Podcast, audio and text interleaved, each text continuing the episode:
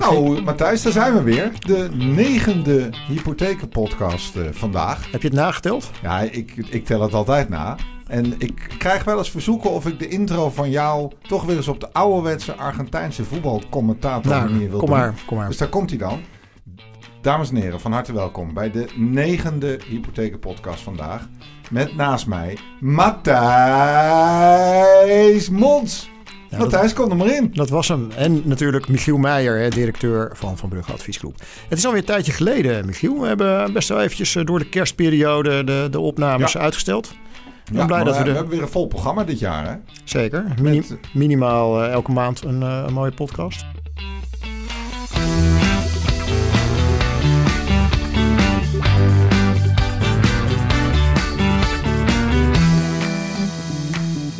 Ja, en we hebben iemand naast ons zitten die we al een tijdje op het verlanglijstje hadden staan. Zeker, Paul ja. Wessels. Ja, want daar ging jij de introductie van doen. Want waar kennen we Paul allemaal van? Nou, hij is volgens mij ook een oud collega van jou, toch? Ja, maar dat zal wel lang geleden. Nee, wel lang geleden. Ja. de hypotheker, daar hebben we samengewerkt natuurlijk. Ja. Paul, ja, je moet het eigenlijk maar zelf vertellen. Maar ik heb GMAC op mijn lijstje staan. DBV, echt bedrijven uit de oude doos. Bestaan allebei niet meer in die vorm. Nee, daar heb ik trouwens niks mee te maken. Nee. niet jouw schuld. niet mijn schuld, nee. Nee, uh, ja, ik ben Paul Wessels. Ik ben directeur van uh, Tulpgroep. En daaronder Tulp Hypotheken en uh, de Nederlandse. Relatief kort, jong bedrijf nog, Tulp. ja, we zijn in 2015 begonnen. En toen hebben we 2,5 jaar gewerkt om live te gaan, zoals dat heet, met uh, tulphypotheken. Dus in 2018 uh, is dat gelukt. En uh, in 2019 zijn we begonnen met de Nederlandse vorm te geven. Dat is een, een buy-to-let lender, een, een hypotheekverstrekker aan, aan professionele beleggers die uh, onroerend goed willen financieren. Dat zijn we in 2019 gaan doen en in uh, december 2019 waren we klaar met de voorbereidingen en zijn in, uh, in januari 2020 begonnen met de Nederlandse. Nou, dat is alweer een jaar erop. Ja, ja en gelukkig na twee maanden trad COVID in en konden de auto's van onze accountmanagers weer terug de garage in. Dus dat was wel even spannend. Dat kan me voorstellen. Ja, want, want, om even het, het, kader te schetsen, want met z'n drieën kunnen wij natuurlijk uh, uren vullen over alles wat de hypotheekmarkt raakt. Maar vandaag zoomen we echt in op buy-to-let, verhuurhypotheken, vastgoedhypotheken, et cetera. Ja. Daar willen we graag met jou bij stilstaan, Paul. Over hoe jij naar die markt kijkt, wat je daar ziet gebeuren. Of het überhaupt nog wel aantrekkelijk is. Ik zal je vanuit uh, adviseurs wat vragen, uh, uh, wat, wat aantal dingen vragen om te kijken van, nou, hoe kijk jij daar tegenaan? En Matthijs zal natuurlijk zijn uh, ja, um, onmetelijke wijsheden over ons heen storten. Over uh, wat de markt de komende jaren gaat doen en hoe we daarmee om zouden moeten gaan. Ja, maar nou. eerst, wat was jouw motivatie om een vastgoedhypotheek op de markt te gaan zetten? Je zat al in woninghypotheken. Ja. Um, nou, dat waren eigenlijk twee belangrijke dingen. Eén, wij zagen dat dat een, een markt was waar relatief weinig aanbieders op dat moment uh, actief waren. En we zagen dat een uh, aantal grootbanken toch echt een, uh, een terugtrekkende beweging maakten. Waardoor uh, heel veel vastgoed. Ah, je, sorry dat ik je onderbreek, maar, maar relatief weinig aanbieders. Ik, ik heb de, de indruk, het is best wel druk in die, in die buy-to-let-markt. Nee, dat, dat valt ten opzichte van de, van de gewone reguliere hypotheekmarkt erg mee. Uh, er zijn, uh, ik denk, tien, uh, tien partijen nu actief. Ja, tien, maar het is een heel veel kleiner marktje. dat, dat, dat, is, dat is waar. Alleen het is wel iets anders gesegmenteerd. Hè. In de normale hypotheekmarkt voor, voor consumenten heb je NAG, niet NAG. En hier heb je toch echt wel een scheiding tussen de wat, wat kleinere objecten en de, en de grote, grote spul. het ja. grote spul en het hele grote spul.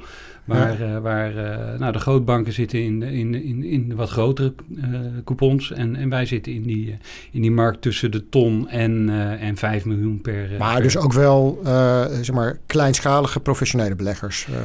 Nou, de objecten zijn wat, uh, wat, uh, wat minder groot in, uh, in volume en in, in prijs. Maar wij hebben een aantal beleggers in onze portefeuille die, die 40 woningen in bezit hebben of in hun onroerend goed BV hebben zitten. Um, dat zijn echt professionele beleggers. En die brengen dan één of twee of drie, vier panden bij ons onder. Om een beetje gevoel te krijgen, Paul, ik weet niet of je dat, dat weet hoor, maar hoe, hoe, gro hoe scho groot schat jij nou die markt in? Want er zijn zoveel discussies over niemand die het echt weet. Maar ja. ik weet het zelfs niet. Ik weet het zelfs niet. De markt in, in Nederland, Nederland ja. ja. ja, Nou, bijzonder dat jij het zelfs niet weet natuurlijk. nee, het, dat is inderdaad heel moeilijk in te schatten, omdat ehm, er zijn weinig cijfers over. Uh, plus doordat die scheiding er op, uh, op uh, grootte van, van investeringen zit, is het, is het niet altijd zichtbaar. Wij rekenen met een, een totale jaarlijkse markt van 3 miljard. En daar willen we toch wel een 300 miljoen per jaar naar toe groeien. En heb je dat gerealiseerd, die, die 300 miljoen al? Nee, wij het eerste jaar hadden wij een, een target van, van 100 miljoen. Uh, die zouden we uh, zeg maar in aanloop, uh, want we begonnen in januari, dan heb je altijd een aanloopperiode. En we dachten, nou 100 miljoen is een, een, een, reëel getal. Nou, met COVID is het ons gelukt om dat ver te overschrijden. Dus daar zijn we eigenlijk best wel, best wel trots op. En dat team dat heeft het echt perfect gedaan. Um, maar we willen wel 2,5 eh, keer zo groot worden. Dus uh, 2,5, 300 miljoen per jaar, dat is wel, uh, is wel een, uh, een target die wij die we zien. Ja. Maar om als indicatie over die markt. Hè? Ik las in Vastgoed Actueel, dat is een van de nou, media waar, waar dit veel in voorbij komt. Hè? Hmm. Dat op dit moment 20% van de woningen landelijk niet gekocht worden voor eigen bewoning, maar voor verhuur. Herken je dat? En zo in grote steden is dat zelfs 40% op dit moment, wordt daar gezegd. Herken je dat een beetje? Nou, ik moet zeggen, ik heb weinig, uh, weinig zicht op, op echte transacties. Uh, waar ik wel zicht op heb, is de transacties die bij ons vallen. En ik weet niet hoe die zich verhouden ten opzichte van de totale verkoopmarkt. Mm Want we hebben natuurlijk niet een 100% marktaandeel. Ik zie wel allerlei berichtgeving dat, uh, dat partijen zich zorgen maken over het, het, het, het verhuren van woningen in plaats van de eigen bewoning. Um, ja, wat, wat wij daarvan vinden is um, gemengd. Kijk, aan de ene kant uh, uh, wordt er veel vanuit de politiek ook de schuld gegeven aan de zogenaamde pandjesbazen. Mm. Ja. Um, ik vind dat niet helemaal terecht. Uh, uiteindelijk zijn de pandjesbazen zijn in onze, in onze portefeuille in ieder geval gewoon hele professionele vastgoedbeleggers die uh, panden kopen of panden in beheer hebben al, uh, in eigendom hebben al. En die, die panden bij ons financieren om eventueel nieuwe panden uh, te kunnen kopen. En wat, ze, wat wij zien dat ze doen, is dat ze panden kopen, die verbeteren uh, en daar gewoon een, een reële huur voor, uh, voor vragen. En dat kunnen ze doen omdat er een, een, ja. een groot tekort is in Nederland op, maar, op, op, op nou, Kijk, ik, ik, het punt is natuurlijk wel dat, ik weet niet of de, pers, de getallen die jij net noemt, of die kloppen, hè, dat 20 tot 40 procent. Ik denk dan misschien van, van de appartementen of iets dergelijks. Hè, dan, dan zou ik me dat soort percentages kunnen voorstellen. Maar het is wel zo dat, dat er veel sentiment natuurlijk omheen zit, omdat veel starters met name gewoon misgrijpen. Die worden gewoon, die, die, die panden worden vaak voor ze weggegraasd. De prijzen worden behoorlijk opgedreven, want het huurrendement is dan toch wel aantrekkelijk genoeg om die prijs te bieden. En er is al zo weinig aanbod. Dus dat is waar we in vastzitten. Hè? Uh, ja, eens. Um, en, en ja, tegelijkertijd, uh, uh, het mag. Hè? Dus je mag als uh, professionele of niet zo professionele belegger gewoon pandjes kopen. en, en ze gaan verhuren. En dat is blijkbaar heel aantrekkelijk nog steeds. Dat is de driver achter die grote groei geweest de afgelopen tijd. Um, ja, maar het beeld is ook wel wat genuanceerder. Want uh, als ik kijk naar onze eigen portefeuille, zien we dat echt een heel groot deel is, is refinance. Is gewoon het herfinancieren van een reeds bestaande woning ja. in eigendom. En dan moet je echt denken aan percentages van 75% van onze portefeuille. Daar zit een stuk refinance is dat, is dat en 50% is puur refinance. Maar is dat niet meer het segment waarin de Nederlandse zit. Want uh, ja. als je bijvoorbeeld denk ik, als we hier zouden spreken met iemand van Woonfonds of NRBC, die zitten heel erg in het eerste of tweede appartementje wat gekocht wordt voor de verhuur door nou, de Matthijs Mons of de Michiel Meijers van deze wereld, zullen we maar zeggen. Nou, dat, dat, dat is een terechte opmerking die je daar maakt. Uh, ik denk dat er een groot verschil is tussen professionele beleggers die dit voor, voor hun beroep doen die kijken naar rendement en die kijken naar, uh, kan ik uh, voldoende rendement maken uit, uit die woning? Kan ik verbeteringen doorvoeren waardoor ik meer rendement op termijn maak uit die woning? En daarmee zien wij ook dat er ineens een, een heel stuk onverwachte vergroening plaatsvindt. Heel veel panden die, die nu als koopjes op de markt zijn, hebben een G of een F-label, die worden verbeterd, hebben ineens een C of een B-label ja, onverwachte vergroening vanuit Spelen die, jullie ook nog op in, toch? Ja. Uh, om, om, om een beetje dat te stimuleren, die verduurzaming. Jazeker, ja, daar hebben we een, een, een groene hypotheek. En daar vertel ik graag zo wat, wat meer over natuurlijk. Maar we hebben een groene vastgoedhypotheek, omdat we, dat, omdat we die beweging zien. En daar motiveren wij um, leningnemers bij ons om, om te vergroenen, waarmee ze een, een financieel voordeel kunnen halen. Eh, maar alleen als ze vergroenen. Ja. Maar Paul, nog even terug naar de publieke opinie. Hè? Matthijs probeerde dat ook een beetje aan te stippen. Daar wordt natuurlijk nu geroepen... Nou, de starter vist achter het net omdat er weer een uh, particulier of weer een, uh, een beroepsvastgoedbelegger klaar staat en die koopt dat appartement of dat rijtje ergens uh, in de stad of waar dan ook. Ja. Vind jij dat ook? Vind jij dat niet? Hoe zit jij daarin? Um, het is een systeem. En het systeem is gevoed door een 1,1 uh, miljoen units tekort in, uh, in Nederland. Uh, DNB heeft in, of nee, sorry, het ministerie van Financiën heeft in 2016 al een, een studie uitgegeven. Dat is vorig jaar nog eens herbevestigd. dat er tot 2050 een structureel woningentekort in Nederland is. Nog los van de immigratie die nu uh, ja. er echt in komt. Nou, dat is natuurlijk het echte probleem. Ja, dat is het werkelijke probleem. En dat daar uh, professionals op inspringen door uh, woningen te verhuren aan mensen in het middensegment. Maar ook in sociale woningbouw. Dat, dat is logisch. Dat, dat gebeurt. Um, wat ik lastig vind te accepteren is dat er stimuleringsmaatregelen komen als een 2% korting voor starters. Ik gun het de starters van harte en ik denk ook dat, dat, dat, dat, dat die geholpen moeten worden. Ik, ik denk, ik denk zelf af... niet dat deze ja. maatregel daarbij helpt. Nee, maar het is wel een optelsom. Goed, dus, dus, het is een optelsom. We hebben en de beeldvorming die wordt geschetst. Hè, de P van de A die het heeft over de Prins Bernhard belasting. Hè, daar heeft ja. over een stukje framing ja. gesproken. Maar uh, het is in box 3 uh, wordt het uh, een stukje minder aantrekkelijk. we hebben, hoe heet dat? Um, de overdrachtsbelastingsdifferentiatie, ja, 8% versus 0, geloof ik. nou, en, ga zo maar even door. En, en natuurlijk ook een bewoningsplicht in, in steeds meer steden. Ja, Dus het wordt echt wel ontmoedigd. Er komen steeds meer maatregelen. ik weet, weet ook niet of het daarbij blijft. Komt er nog meer. Dus die markt proberen ze een beetje stuk te maken. Maak is je dat, dat erg? Nou ja, is dat erg? Maar in, ben, je daar bang, ben jij daar bang voor vanuit je perspectief, van jou, jouw belangen, zeg maar? Nou, het, het, het, het wordt er niet beter op. Hè? Dat, dat is duidelijk. Op het moment dat, uh, dat uh, zo'n maatregel wordt afgekondigd, en die is er nog niet hoor. Maar dat, dat gemeenten kunnen eisen dat er eerst via je eigen bewoning plaatsvindt voordat het überhaupt verhuurd kan worden. Dan zul je daar ongetwijfeld een, een kentering zien in het aantal huizen dat gekocht of verkocht ja. wordt. Onder de noemer verhuur. Maar, sorry, ik kom even terug op, op wat, je, wat je net vroeg met betrekking tot de, degene die er een pandje bij kopen. Dat zijn vaak particulieren die dat in box 3 doen. Ja. En dat is wel een observatie die wij hebben, dat, dat die particulieren eerder geneigd zijn om boven de vraagprijs te bieden dan de echte professionele belegger. Uh, dus als je dan komt zegt omdat over, die particulieren ook met hun geld nergens anders heen kunnen op dit moment. Dat zal ongetwijfeld, hè. Nou ja, met hun geld. Ja, is een belangrijk. De, de, pensioenen worden, worden, worden gekapt op een ton. En niet dat ik een ton pensioen heb, maar er zijn mensen in Nederland die een, een, een salaris hebben van boven de ton. Alles daarboven moet je in privé gaan opbouwen. Nou, vervolgens zet je dat op de bank en dan kun je elke maand kun je rente gaan betalen in plaats van dat je het krijgt. Dus Mhm. mm -hmm. ik snap dat daar een beweging is naar uh, het beleggen in een, uh, in een, uh, in een asset die, die rendement op, oplevert.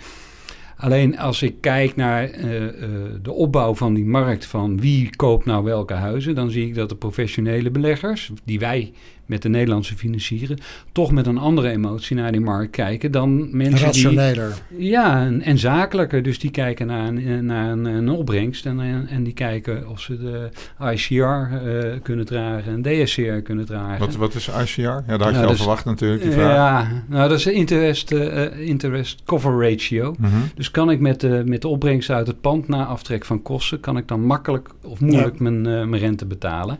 Want dat bepaalt mede of ze die direct rendement uit hebben of alleen rendement hebben uit de waardestijging.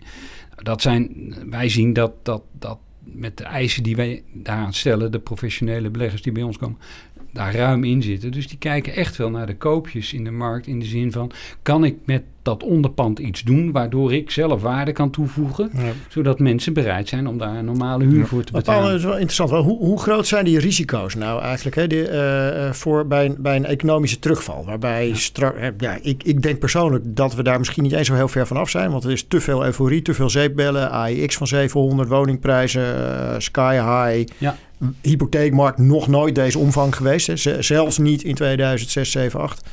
Um, toen de boel barstte. Dus nou, ehm, ik snap dat we blij zijn dat COVID voorbij is, maar dit kan toch wel eh, ook de verkeerde kant op gaan ergens de komende 1, 2 jaar. Maar hoe gevoelig is dan dat buy-to-let segment? Want die, ik merk dat die beleggers best wel speculeren nog op verdere uh, woningprijsstijgingen. Nou, ik denk, ik denk eerder dat ze de andere kant op gaan dan dat ze nog omhoog gaan. Ja. Hoe, hoe, hoe zie jij die risico's? Uh, even reagerend op dat die uh, professionele beleggers uh, speculeren op woningwaardestijging. Dat, ik denk dat zij juist kijken naar de business case nu. Alleen naar, ja? Ik denk dat vooral de, box, de box 3 belegger kijkt naar. Ja. Ik, zie de, ik zie in ieder geval uh, bij de, prof, de echte professionele partijen, de, uh, de, uh, de credit links van deze wereld, van die, die beleggingsfondsen. Hè? Ja. Dus misschien niet de leak aan wie jij verstrekt, maar de echte grote spelers. In al die ramingen gaan ze uit van waardestijging. Ja. En ik vind dat heel, ik vind dat heel link. Want dat is leuk, dat is leuk als je in 2014 instapt dan is dat een heel, een heel goed verhaal. Maar nu denk ik niet meer, eerlijk gezegd, met dit prijsniveau. Nee, nou er zijn een aantal drivers waarvan je kan zeggen uh, dat, dat, dat houdt uh, um, het prijsniveau minimaal op niveau en laat stijgen. En dan een van die drivers is weer die 1,1 miljoen ja. units die we tekort hebben. Hè. En dan heb je een, een, een woonplan of een bouwplan. Ja, dat is uh, natuurlijk uh, recent. Zes, ja, zes, zes gemeenten hebben zich al ingeschreven ja. de afgelopen twee jaar. Dus ja. het gaat, gaat lekker. Die schrijven op dat ze 330 woningen, 330.000 woningen binnen de stadsgrenzen uh, gaan bouwen. Dus er zit gewoon een groot tekort onder. En dat is een soort van, nou, misschien wel wankel, maar het is een fundament onder die huisprijs. Tegelijkertijd voel ik met je mee. Het is, het, is, um, het is niet gezegd dat dat niet in één keer naar beneden kan gaan. Alleen de dynamiek is, um, wij financieren hoofdzakelijk vijf jaar rente vast. Uh, na vijf jaar moet er hergefinancierd worden of wordt er bij ons voortgezet tegen, uh, tegen voortzettingsrente. Um, die huur die gaat niet in één keer naar beneden er gaat niet in één keer 20% huur af. Dus voor een zakelijke belegger neemt hij dat mee in zijn, ja, risicooverweging. Ja. Tegelijkertijd, het is de woning. Als we nu kijken in de huidige crisis, in onze eigen portefeuille, ook bij Tulp, maar ook bij de Nederlandse, we hebben één achterstand gehad. We hebben geen enkele betaalpauze hoeven toekennen. En uh, gedurende de afgelopen jaar hebben we drie mensen gehad die een maand in de achterstand zijn geweest, omdat er een incasso gebounced was. Dus ja, dus je zegt de moraal, het allerlaatste wat iemand zal doen, ja. is die verplichting en, en niet nakomen. Daar mag je niet blind op varen, maar zolang je in je huis blijft wonen, heb je geen verlies.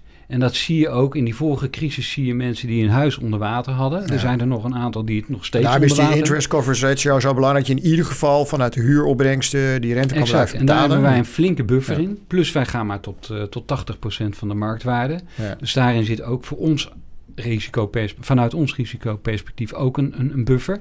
Dus wij gaan niet direct die huizen opeisen bij een, uh, bij een, uh, een, een, een, daling in de prijzen. Ja, ja uh, dat is ook een groot verschil met, uh, met de retail hypotheekmarkt natuurlijk. Dat je, je gaat nooit boven die 80% uit. En gemiddeld zit je zelfs onder die 80, denk ik. Ja, ja zeker. jullie versterken. Ja, ja. Want ik wil nog even bij dat verschil stilstaan, Paul. Want er luisteren veel adviseurs naar onze podcast.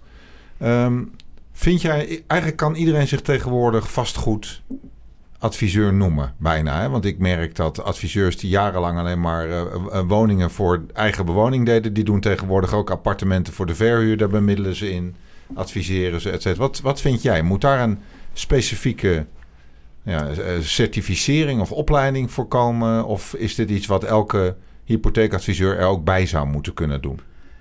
Um... Dat is een goede vraag. Uh, ik ben niet zo van, van dat daar regelgeving op moet, uh, moet worden losgelaten. Uh, ons standpunt als, als de Nederlandse is: wij gaan een samenwerkingsovereenkomst aan met de betreffende adviseur. En daar zijn we wel uniek in. Wij merken dat, dat andere partijen in de markt dat niet doen. Een echt een samenwerkingsovereenkomst aangaan. We doen due diligence op die adviseur, kijken of het iemand is waar wij, waar wij zaken mee, mee willen doen. En we gaan echt een partnership aan. Um, Hoeveel adviseurs uh, werken er voor jullie? We hebben nu 160 adviseurs uh, rechtstreeks aangesloten. Voor de maar, Nederlandse, hè? Ja, over, ja, ja, maar zoals bijvoorbeeld bij Van Brugge, daar zitten een aantal adviseurs die binnen Van Brugge zich uh, hebben gespecialiseerd in, in dit soort advisering. Wij noemen Van Brugge één adviseur, dus hoeveel mensen ja, ja. dat betreft, dat, dat durf ik niet. want ik geloof zeggen. namelijk, om maar jou een schot voor de boeg te geven, niet in het feit dat elke adviseur dit kan en dus ook zou moeten mogen. Klopt. En daar zit volgens mij vaak waar het in dossiers fout gaat, zowel nou ja, voor een potentiële klant als een adviseur die achteraf ergens in terecht gekomen is Ja. en geen idee heeft wat hij aan het doen is. Een apart diplomaatje pleit je Nou, eigenlijk voor. in hè? ieder geval eh, vind ik dat je moet gaan kijken, beschikt iemand over de juiste kennis en kunde om het te kunnen? Maar En er moet een goede begeleiding ook zijn. Maar is het Ja. echt een issue? Want, want eh, is het niet zo dat die beleggers zelf wel hun weg naar een adviseur weten te Ja, vinden die dit denk ik- gewoon eh, vanuit een soort specialisme doet en dus veel vaker Ja, we doet? moeten denk ik een onderscheid maken tussen het adviseren van het appartementje voor de familie Mons voor de verhuur aan zoon of dochter of de familie Meijer. Dat is ook niet het segment waar Paul in zit. Maar als we het hebben over meerdere woningen onder één paraplu, dan komen daar best specifieke kennisvereisten bij. Daar ben ik mee, met je eens, maar een professionele belegger, zoals jij nu schetst, die is toch ook in staat om een professioneel intermediair te vinden?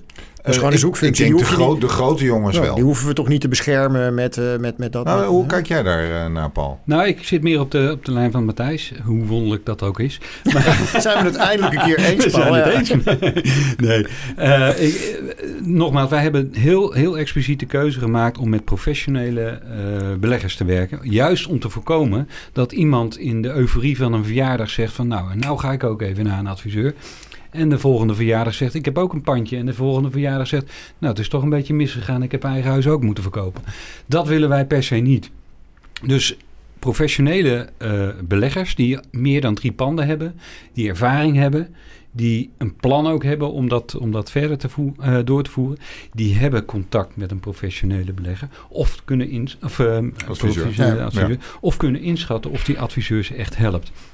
Uiteindelijk is een adviseur de poort naar een, eh, naar een eh, financiële instelling vaak. Niet meer dan dat in de ogen van een professionele belegger. Omdat hij gewoon geen zin heeft in die financiering regelen. Regel dat, daar betaal ik je voor. Jij bent de professional. Die komen bij ons aan. Die, die, die, die brengen alle eh, Ja, stukken naar wij in de binnen. praktijk ook. En vervolgens doen wij ook nog één of twee of drie slagen. En natuurlijk, als wij zien dat een, dat een adviseur ondermaats eh, eh, presteert in, in, in, in procesgang of in, in, in datgene wat wij, eh, wat wij terugkrijgen aan informatie van hem. Ja, dan gaat er iemand van onze, van onze buitendienst even een bezoekje Nou ja. brengen om, om, om, om Ja. eens te kijken. Wat voor... Maar, Ja, maar mij dat is al gebeurd bij de aanstelling. hè? Ja, Dus- oké. want mij valt in de praktijk heel erg op dat wij nu veel klanten treffen die in het verleden rechtstreeks bij een grootbank zaten. Vooral bij Rabobank bijvoorbeeld. En die nu eigenlijk zeggen, nou, of daar kunnen een aantal dingen niet meer, of mijn contactpersoon, die is daar niet meer. En ik moet elke keer mijn verhaal opnieuw uitleggen. Kan ik dat niet via jullie doen? Kunnen jullie niet Ja. een, een herfinanciering zoeken? Ja, ik vind dat een hele goede ontwikkeling. Want ehm, Die grootbanken, Ja. daar vind jij wel wat van, toch? Nou, de- ik, ehm, het is natuurlijk duidelijk dat eh, wij van WC Eend adviseren WC Eend. Hè, en dan noemen ze zich een adviseur, maar ze hebben één product eh, op, op, de, op het schap liggen. En wat wij gewoon in de markt zien, is dat eh, klanten van grootbanken bij ons komen met hun portefeuille en zeggen: wij, wij, wij krijgen het niet meer hergefinancierd. We hebben geen achterstand gehad, niets. Nee. De waarde is toegenomen, maar we krijgen het niet meer hergefinancierd. En dan kijken wij naar, eh, naar, naar die portefeuille. We kijken naar de huurcontracten. We kijken naar, naar alles. Het ziet er gewoon keurig uit. Dus de mores die we daarin zien, die snappen we niet. Dus dan zal Nou, er ik iets wel anders eens, dat wil onder ik ook even... En die adviseur die er dan bij de bank heeft gehad, die kan niet even naar een andere bank of een andere geldverstrekker gaan en zeggen van nou, daar kan het wel. Dus die, er zit Maar een Paul, om heel even dan ook een, een lans te breken voor eh, enkele grootbanken. Het heeft natuurlijk ook heel erg te maken met... zit de adviseur er al langer? Tref je een adviseur die de wegen binnenkent? En want ik heb ook klanten die zeggen... joh, ik zit prima bij Rabo, ING of ABN AMRO... daar, daar wil ik liever niet weg. Maar we treffen ook situaties waarbij je adviseur eh, is weg. Er Ja. komt een nieuwe adviseur, die, die snapt het nog voor toeten nog blazen. Maar is het niet, eh, ik, weet, ik weet niet of dat echt aan de hand is Maar als een soort trend, maar is het niet een soort angst die aan het ontstaan is met het oog op een mogelijke crisis dat de grootbanken terughoudender aan het worden zijn? Bedoel je dat ook, dat dat aan het gebeuren is? Of is Nou, het meer eh, ik- het soort ik- voorbeelden die Michiel Ik, geeft? ik weet niet eh, de exacte motivatie van een, eh, van, een, van een bank. Maar het is natuurlijk ook wel gedreven door regelgeving. Hè. Basel IV heeft absoluut Ja. invloed op, op portefeuilles van deze... Ja, ja, van deze meer kapitaal aanhouden voor dit soort hypotheken precies. Dus, eh, Dus wordt het duurder en dus zijn ze er misschien wat minder gek op. Maar de En in het exacte, verleden was dat misschien wat minder transparant zichtbaar in die portefeuilles. Wellicht. Ja, zou zo dus dat, dat zou een oorzaak kunnen zijn. Maar nogmaals, ik weet, ik weet niet de exacte motieven. Ja.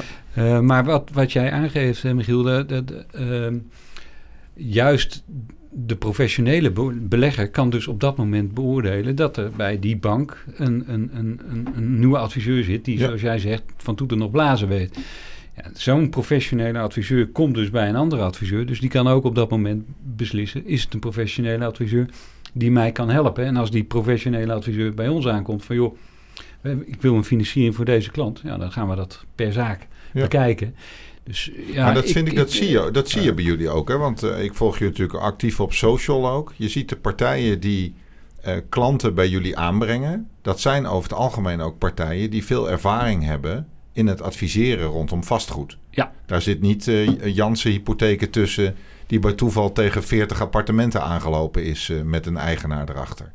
Maar, en, maar wat zijn nou jouw, jouw groeiambities met de Nederlandse? Want eh, je hebt nu het eerste jaar erop zitten. Ja.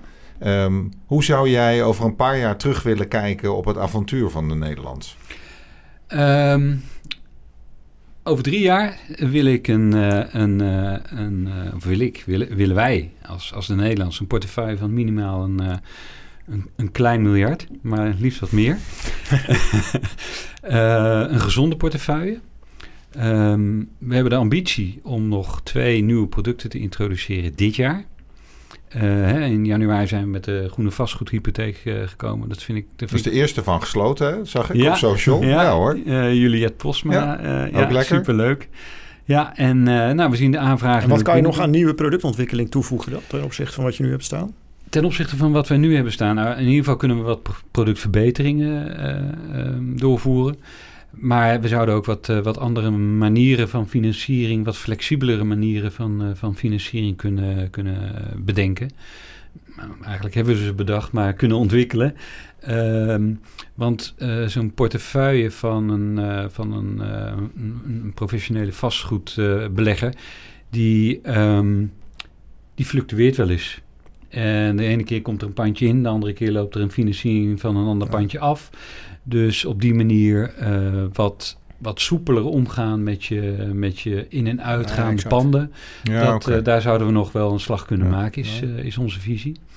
En eh, de uitdaging is om dat eh, zo te maken dat we die, eh, die leningen ook weer bij onze we, investeerders... we moeten, en bijna, we moeten bijna afronden. ja, ja, want een Maar- traditiegetrouw komen we dan bij de laatste vraag van deze podcast. Ja, die- en die stel jij altijd. Ja, en- dus daar komt hij dan. Het moet, die moet wel dan even over iets gaan waar we het nog niet over hebben gehad. Oké. Eh, en, in mijn geval gaat het bijna altijd over digitalisering.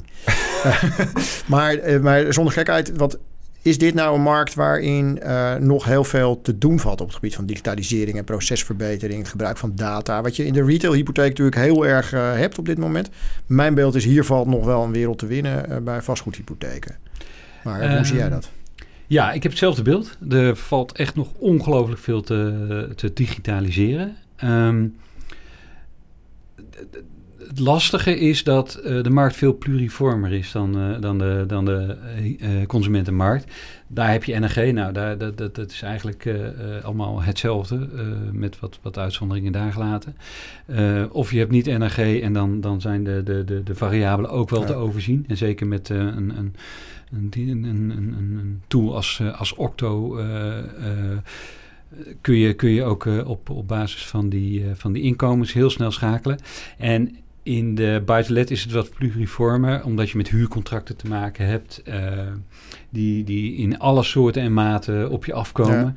dus jij eh, ziet dat nog Ja, het is verder moeilijker weg. om te digitaliseren en die markt is kleiner, dus het loont ook iets minder hard om daar hard in te Ja. investeren. Dus Ja. ik snap wel dat dat wat trager op gang komt, maar er ligt wel ruimte. Maar mocht nou je, ja, mocht je en, dus en willen er gaan is zo digitaliseren... weinig. eh, die, sorry. Maar mocht je dus willen gaan digitaliseren... dan ja, eh, ja, Michiel. weten we natuurlijk waar, waar je dan uiteindelijk uitkomt. Ja, hè? nee, maar dat is duidelijk. Dat is duidelijk. eh, hey, Matthijs, dat was hem weer. Ja, we Ja, het is ongelooflijk. Ja. Want ik zag dat jij ook over je eigen vastgoedportefeuille nog veel wilde vragen. Maar dan moeten we Ja, misschien buiten de podcast even doen. Dat is nou een typisch gevalletje van NEC in die portefeuille. Ja. ja, zo is het. Daar komen we wel uit met z'n drie. en Ehm, hij is geen professional. Nee, ontzettend bedankt voor je komst. Heel Ehm, graag gedaan. Vond het erg leuk. Ja, we hebben Ja, ook nu zeker. weer ervaren dat het voorbij vloog. Ja. Want eh, nou ja, luisteraars kunnen dat niet zien. Maar ik heb links van mij nog een lijst met vragen liggen waar we niet aan toegekomen zijn. Ehm, maar ja, dat betekent dat je ergens eh, de komende jaren weer gaat aanschuiven. En als je de miljard aantikt, gaan wat mij betreft een specifieke Als jij die miljard podcast... hebt gehaald, dan kom je terug, Paul. Dat Ja. Ja, dan, eh, dan hoop ik zo snel mogelijk. Tellen we Tulp niet mee, hè? Alleen de Oh, Nederlandse. jammer, ja. Hey, maar ontzettend bedankt voor je komst, eh, Paul. Superleuk, Paul. dank jullie wel. Nou Matthijs, dat was hem weer. Podcast nummer 9. Nummer 9. Wat heb jij er nou het meest van opgestoken van het verhaal van Paul Wessels? Dat eh, digitalisering door de pluriformiteit verdomd lastig is. Ja, ik moet zeggen, eh, dat woord is mij ook bijgebleven. Maar ik moet vooral zeggen dat wat ik heel mooi vond, is dat eh, Paul, vind ik, heel objectief naar zijn markt kan kijken. En ook kan aangeven wat, eh, wat daar de toekomst wel is en wat daar de toekomst niet zal zijn. Dat, dat vond ik een vond het een, een genuanceerd verhaal ook. met met zeg maar, respect voor de problematiek eh, in de startersmarkt. eh, en tegelijkertijd ook wel aangeven dat het echte probleem natuurlijk zit in een enorm tekort aan woningen. Ik denk dat dat wel ook een beetje de kern van deze markt is. We, we, kunnen, we kunnen die professionele beleggers wel de schuld geven, maar die maken gebruik van een systeem. Ja. En dat systeem werkt niet goed. Ja. En dat is de essentie. Er moeten gewoon veel meer woningen bij. Ja, nou ja, hij vloog weer voorbij. Ja. Eh, in maart gaan we nummer 10. Ja, want we gaan naar één keer per maand toe Ja, gezien jouw drukke agenda eh, was het niet meer te doen om dit elke week te doen, geloof ik. Maar we gaan nu naar één keer per maand. En, eh, Ik dacht- ja, ik dacht dat het met de budgetten aan de Van Brugge adviesgroep eh, kan te maken had. Nee, die, daar had ik nog wel over mijn hart willen strijken, Matthijs. Maar nee, we moeten dus, we gaan in maart de volgende doen. Dat wordt nummer 10. En dan gaan we misschien wel stilstaan bij de impact ja, de van de verkiezingsuitslagen, Ja. dat denk ik wel. Ja, we proberen Mark Rutte als gast te krijgen. Als dat niet lukt, dan wordt het iemand uit de hypotheeksector. Dat Ja. houden we nog nou, Laten we dat nog even geheim houden. En, eh, nou, ik zou zeggen, eh, abonneer je, eh, luister ons terug. Heb je vragen, opmerkingen, je kunt zowel Matthijs als mijzelf makkelijk vinden op, op social. En nou, we horen graag van je. En dank voor het luisteren.